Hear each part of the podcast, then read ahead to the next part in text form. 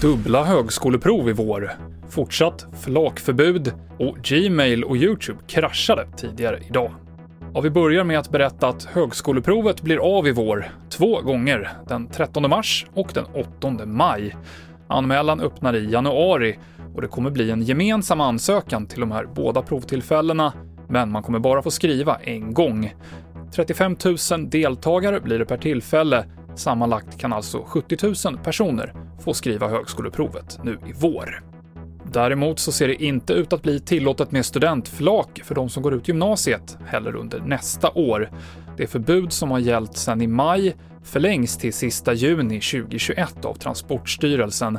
Men skulle smittläget komma att förbättras så kan man ta ett nytt beslut.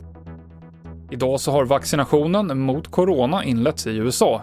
Vårdpersonal och boende på vårdhem kommer att vaccineras först och myndigheterna räknar med att runt 20 miljoner amerikaner har fått vaccinet före årsskiftet. Men det är mycket som tyder på att den andra vågen av coronaviruset blir svårare att stoppa än den första.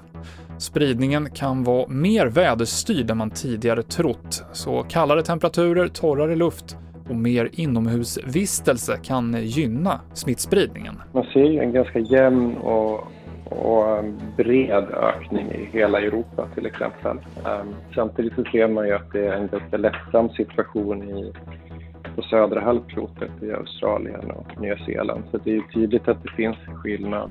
Det sa Joakim Rocklöv som är professor i epidemiologi. Och vi avslutar med att berätta att Google hade ovanligt stora problem med flera av sina tjänster idag. Under ungefär trekvart så fungerade inte till exempel Gmail och Youtube.